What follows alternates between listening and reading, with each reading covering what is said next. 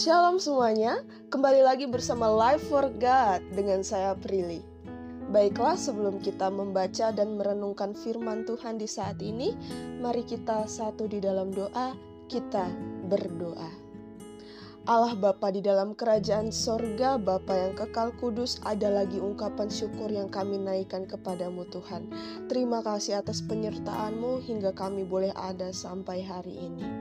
Tuhan pada saat ini kami hendak membaca dan merenungkan firman-Mu, kiranya Engkau berkati, beri hikmat pengertian Tuhan, agar apa yang nanti kami baca dan renungkan tidak lalu begitu saja, tetapi boleh tertanam dalam hati dan pikiran kami, dan dapat kami lakukan dalam kehidupan kami hari lepas hari.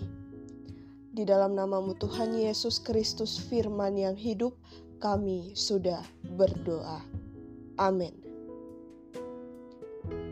Oke baik, saudara-saudara semuanya, pembacaan kita di saat ini terdapat dalam kitab 1 Timotius pasal 1 ayat 12 hingga ayat yang ke-17. 1 Timotius pasal 1 ayat yang ke-12 hingga ayat yang ke-17. Dengan judul pembacaan Ucapan syukur atas kasih karunia Allah. Aku bersyukur kepada Dia yang menguatkan aku, yaitu Kristus Yesus Tuhan kita, karena Ia menganggap aku setia dan mempercayakan pelayanan ini kepadaku. Aku yang tadinya seorang penghujat dan seorang penganiaya dan seorang ganas, tetapi aku telah dikasihaninya. Karena semuanya itu telah kulakukan tanpa pengetahuan, yaitu di luar iman.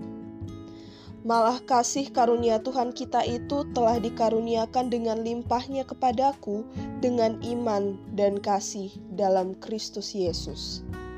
Perkataan ini benar dan patut diterima sepenuhnya. Kristus Yesus datang ke dunia untuk menyelamatkan orang berdosa, dan di antara mereka akulah yang paling berdosa. Tetapi justru karena itu aku dikasihani, agar dalam diriku ini sebagai orang yang paling berdosa, Yesus Kristus menunjukkan seluruh kesabarannya.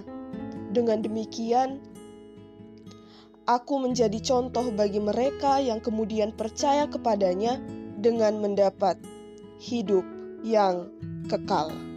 Hormat dan kemuliaan sampai selama-lamanya bagi Raja segala zaman, Allah yang kekal, yang tak nampak, yang esa. Amin. Sejauh ini pembacaan firman Tuhan, baik saudara-saudara semuanya, renungan saat ini Prilly berikan tema syukur kepadanya. Syukur kepadanya. Seperti yang sudah kita tahu, Paulus ini adalah seorang yang buruk masa lalunya, dan ia sadar akan kelemahannya dan ia mau mengakui kesalahannya itu. Sebagai seorang rasul yang terkemuka, Paulus yang dulunya bernama Saulus, ia mau mengakui latar belakang kelabunya. Bahwa ia pernah menjadi seorang yang ganas dan penganiaya jemaat Allah. Namun, Paulus tidak pernah berusaha menutup-nutupi hal ini. Dari bacaan ini, saudara-saudara semuanya, kita bisa melihat bahwa Paulus bersyukur kepada Dia. Dia ini siapa? Allah Bapa, Kristus Yesus Tuhan kita. Pengakuan Paulus atas masa lalu yang kelam tidak diikuti dengan membanggakan diri atas perubahan yang telah terjadi jadi bukan berarti karena Paulus berhasil meninggalkan masa lalunya itu menjadi suatu kebanggaan bagi dirinya. Tidak teman-teman, tidak seperti itu. Tetapi Paulus malah mengakui bahwa Kristus Yesuslah yang menguatkannya serta memberikannya kepercayaan untuk terlibat dalam kegiatan pelayanan. Paulus mengakui bahwa semua yang terjadi semata-mata karena kasih karunia Tuhan. Paulus mengakui bahwa Yesus telah mengasihani dirinya sebagai orang yang paling berdosa dan telah menunjukkan kesabarannya. Saudara-saudara semuanya, ada ungkapan yang mengatakan gratia. Gratia artinya anugerah. Anugerah selalu melahirkan gratitude yang artinya syukur. Inilah yang dilakukan Paulus. Setiap kali Paulus mengenang kembali jalan hidupnya, maka selalu akan timbul dalam hatinya rasa syukur. Ia bersyukur karena tuntunan Tuhan, pertolongan Tuhan, ia berhasil merubah hidupnya dan meninggalkan itu semua di belakang. Sosok yang benar-benar harus kita teladani. Walaupun masa lalunya buruk, tapi Tuhan mau pakai Begitu juga saya dan kamu saudara-saudara, sekeji sehina apa pun kita dulu.